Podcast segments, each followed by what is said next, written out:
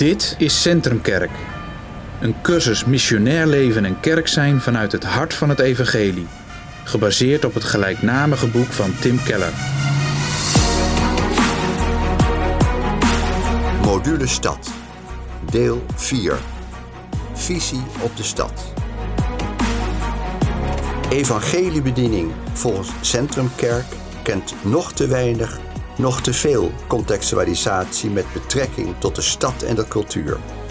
Omdat de stad zowel mogelijkheden schept voor de bloei van de mens als voor verafgoding van de mens, kent onze bediening een balans, waarbij we het evangelie gebruiken om de cultuur zowel te waarderen als uit te dagen om in overeenstemming te komen met Gods waarheid.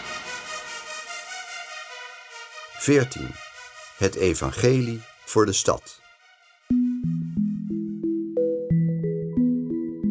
De verkondiging in al die honderdduizenden dorpen en op het platteland wil Tim Keller zeker niet ontmoedigen.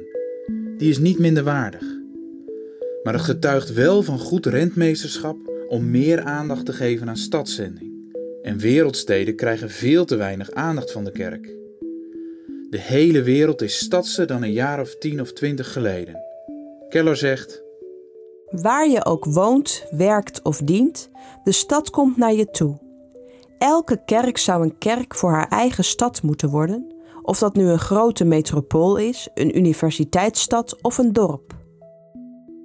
Het stadsleven stelt christenen voor tal van uitdagingen. Hoe moeten ze hierop reageren? Door het evangelie te brengen en het daar zelf ook te horen. Tegelijk moeten we leren zien dat de stad zelf ons het evangelie verkondigt. We komen mensen tegen die we geestelijk en moreel gezien hopeloos vinden en van wie we denken dat zij nooit in Christus zullen geloven. Een dergelijke gedachte is al een openbaring. Immers, stelt Keller de indringende vraag. Als we echt uit genade gered worden en niet op basis van onze prestaties, waarom zou het voor een ander dan minder waarschijnlijk zijn om christen te worden dan voor onszelf? Waarom zou de bekering van een ander een groter wonder zijn dan onze eigen bekering? In de stad zouden we wel eens kunnen ontdekken dat we eigenlijk niet in pure genade geloven, maar dat we eigenlijk denken dat God vooral aardige mensen redt, mensen zoals wij. Andersom kan het ook. In de stad komen we veel mensen tegen die een ander geloof hebben of nergens in geloven, maar die wijzer zijn dan wij, aardiger en zorgzamer. Ook hierin wordt ons echter het evangelie verkondigd. Als het evangelie van de genade waar is, waarom denken we dan dat christenen betere mensen zijn dan niet-christenen? Het is misplaatst om als christenen medelijden te hebben met de stad en om jezelf als redders te zien. Nederigheid en respect is nodig. We moeten bereid zijn om een wederzijdse relatie aan te gaan, om Gods algemene genade in de levens van stadsbewoners te herkennen. Tim Keller vertelt over zijn eigen ervaring hiermee. We moesten leren dat we hen nodig hebben om God en zijn genade beter te begrijpen, net zoals zij ons nodig hebben. Nog twee andere citaten die ons een spiegel voorhouden. Ik geloof dat veel christenen in het Westen de stad mijden omdat daar zoveel anderen zijn. Juist doordat er in de stad zoveel mensen zijn die anders zijn dan wij, raken veel christenen er gedesoriënteerd. Diep in ons hart vinden we hen niet aardig of voelen we ons niet veilig bij hen. Wat vergeten we het evangelie toch snel? In het evangelie lezen we over een God die bij ons kwam wonen, één van ons werd, zoveel van ons hield dat het zijn dood werd en wij waren helemaal anders dan hij. De stad maakt ons nederig door ons te laten zien hoe weinig we ons hebben laten vormen door het evangelie. Alleen het evangelie kan ons nederig maken. Ik moet veel van de stad leren. Ons zelfvertrouwen geven. Ik heb de stad veel te bieden. En ons moedig maken. Ik heb niets te vrezen van de stad. Waardoor we effectief de stad kunnen dienen tot eer van God en tot zegen voor anderen. En gaandeweg zullen we zien dat wij voor onze eigen geestelijke groei en welzijn de stad misschien wel meer nodig hebben dan dat de stad ons nodig heeft.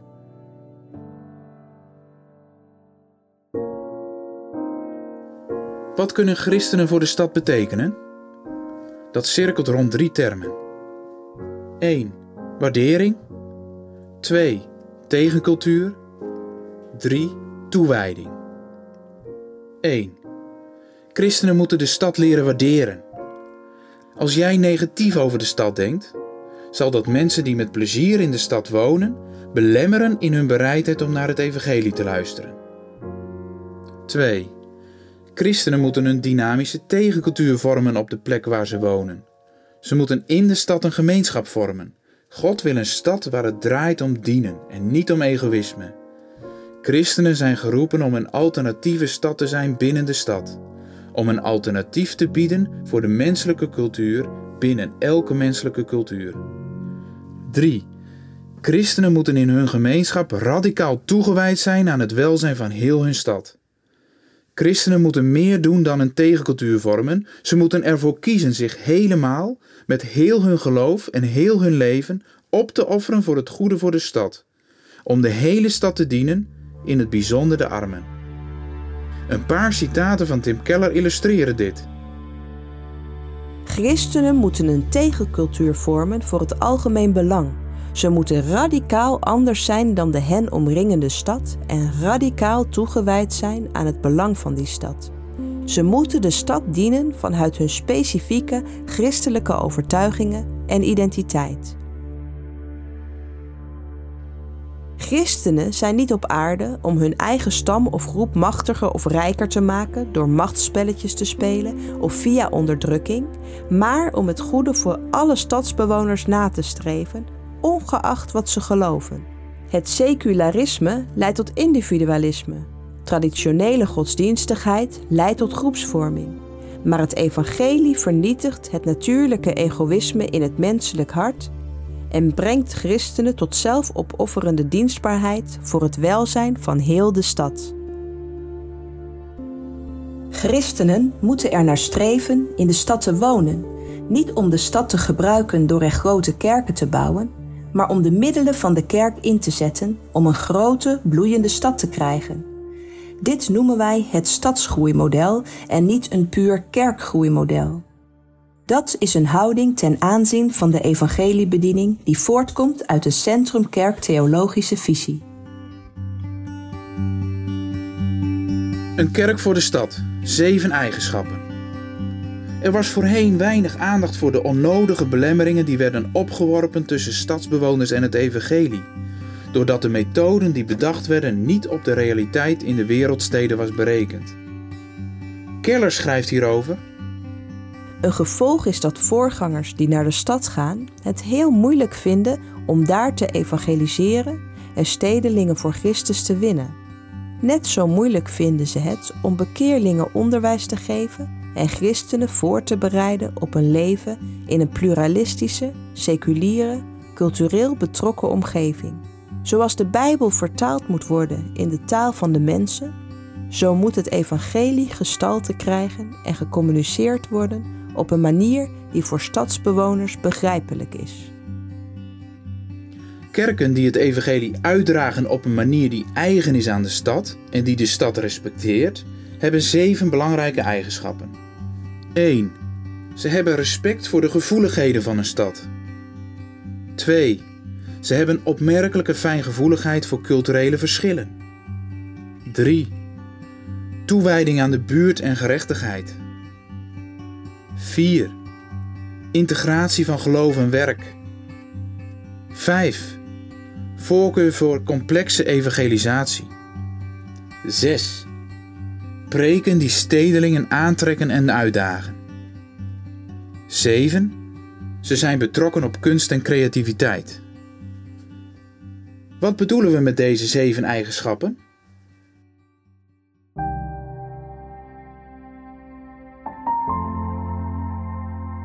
1. Respect voor de gevoeligheden van een stad betekent dat de leiding van de kerk en de voorgangers echt tot de stadscultuur moeten behoren, zodat ze die intuïtief aanvoelen. 2. Opmerkelijke fijngevoeligheid voor culturele verschillen. Steden zijn zeer divers van samenstelling en daarom cultureel gezien complex. Wie met vrucht in de stad wil werken met het evangelie, moet deze verschillen opmerken, het belangen van inzien en al die verschillende mensen respectvol benaderen. Zijn woorden zorgvuldig kiezen om niemand onnodig te kwetsen. Probeer voor zoveel mogelijk mensen aantrekkelijk te zijn en bij zoveel mogelijk culturen aansluiting te vinden. En luister aandachtig naar de mensen die zich niet vertegenwoordigd voelen. 3. Toewijding aan de buurt en gerechtigheid. Een stadsbuurt kan geweldig complex zijn. Stadsvoorgangers leren om hun buurt te begrijpen, om de sociologische complexiteit te doorgronden. Het doel is om manieren te vinden waarop de buurt verbeterd kan worden, gezonder, veiliger en menselijker om in te wonen. Christenen en kerken moeten manieren vinden om de naaste van de hele stad te zijn, niet alleen van de eigen buurt. Stadskerken moeten in hun eigen buurt bekend staan als een groep mensen die het goede voor heeft met alle mensen om hen heen, ver weg en dichtbij. 4. Integratie van geloof en werk. Christenen in de stad komen dagelijks ethische en theologische vraagstukken tegen op hun werk. Ze moeten met goede preken en bediening geholpen worden om netwerken van gelovigen binnen hun eigen vakgebied te vormen. Dat netwerk helpt hen bij het doordenken van de theologische, ethische en praktische problemen die ze in hun werk tegenkomen. Daarnaast hebben stadschristenen een bredere visie nodig op de manier waarop het christelijk geloof met de cultuur om kan gaan en die kan beïnvloeden. 5. Voorkeur voor complexe evangelisatie. Een stadskerk moet zich wijden aan de complexe variant van evangelisatie die stadsevangelisatie heet. Dat betekent dat er geen standaardmethode of boodschap is die je voor iedereen kunt gebruiken. Tim Keller zegt hierover: Stadsevangelisatie vraagt om onderdompeling in de verschillende culturen om te weten wat het grootste verlangen is, de diepste angst en de opvattingen over en bezwaren tegen het christelijk geloof. Daar heb je veel verschillende manieren en bijeenkomsten voor nodig, waar veel creativiteit en moed voor nodig is. 6. Preken die stedelingen aantrekken en uitdagen. De stadspredikant moet preken houden die zowel opbouwend zijn voor de gelovigen als aansprekend en overtuigend voor de niet-gelovigen. In een latere aflevering komt de prediking nog uitvoeriger aan de orde. Hier alleen een paar voorbeelden. A. Morele oproepen in de preek moeten gegrond zijn op Christus en zijn werk. B. Denk zorgvuldig na over de vooronderstellingen van je publiek. Velen zullen de Bijbel niet vertrouwen. Gebruik daarom ook buitenbijbelse bronnen om dingen te onderbouwen en toon daarmee respect voor de twijfels van niet-gelovigen. C. Maak apologetische uitstapjes. D. Spreek groepen in de kerk rechtstreeks aan, zodat ze merken dat je weet dat ze er zijn. Ga als het ware het gesprek met hen aan. E. Denk aan je houding. Jonge, seculiere stadsbewoners zijn bijna allergisch voor alles wat kunstmatig overkomt. Denk aan een gelikte show, niet genderneutrale uitdrukkingen, cynische opmerkingen over andere religies, spreken met gemaakte stem en onbegrijpelijk evangelisch jargon. Zeker door te spreken met stemverheffing zal men zich geschoffeerd voelen. F. Zorg ervoor dat je dezelfde boeken, tijdschriften en blogs leest als je publiek. Kijk dezelfde films, bezoek het theater. Ken hun dagelijks leven uit eigen ondervinding. Refereer aan je ervaringen en bespreek ze in het licht van de Bijbel. 7. Betrokken op kunst en creativiteit. Alles rond de kerkdienst moet artistiek verantwoord zijn. Als je geen niveau hebt, zal de gemiddelde stadsbewoner zich cultureel niet op zijn plek voelen. We mogen het evangelie inzetten om gebroken steden heel te maken.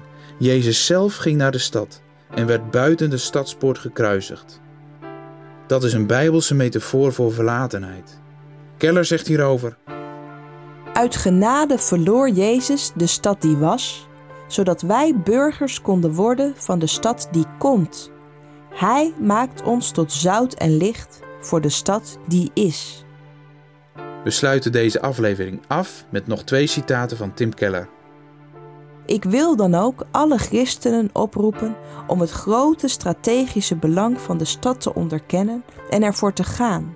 En gevolg te geven aan de dringende oproep om in de stad te zijn en er voor de stad te zijn, waar je ook bent op aarde. Visie voor de stad betekent dat je ziet hoe God de stad bedoeld heeft. Visie voor de stad roept de gelovigen op om de stad van God te zijn, midden in de stad van mensen. De stad is een topprioriteit voor het leven en het werk van christenen in de 21ste eeuw. In de volgende aflevering gaan we in op de culturele crisis in de kerk.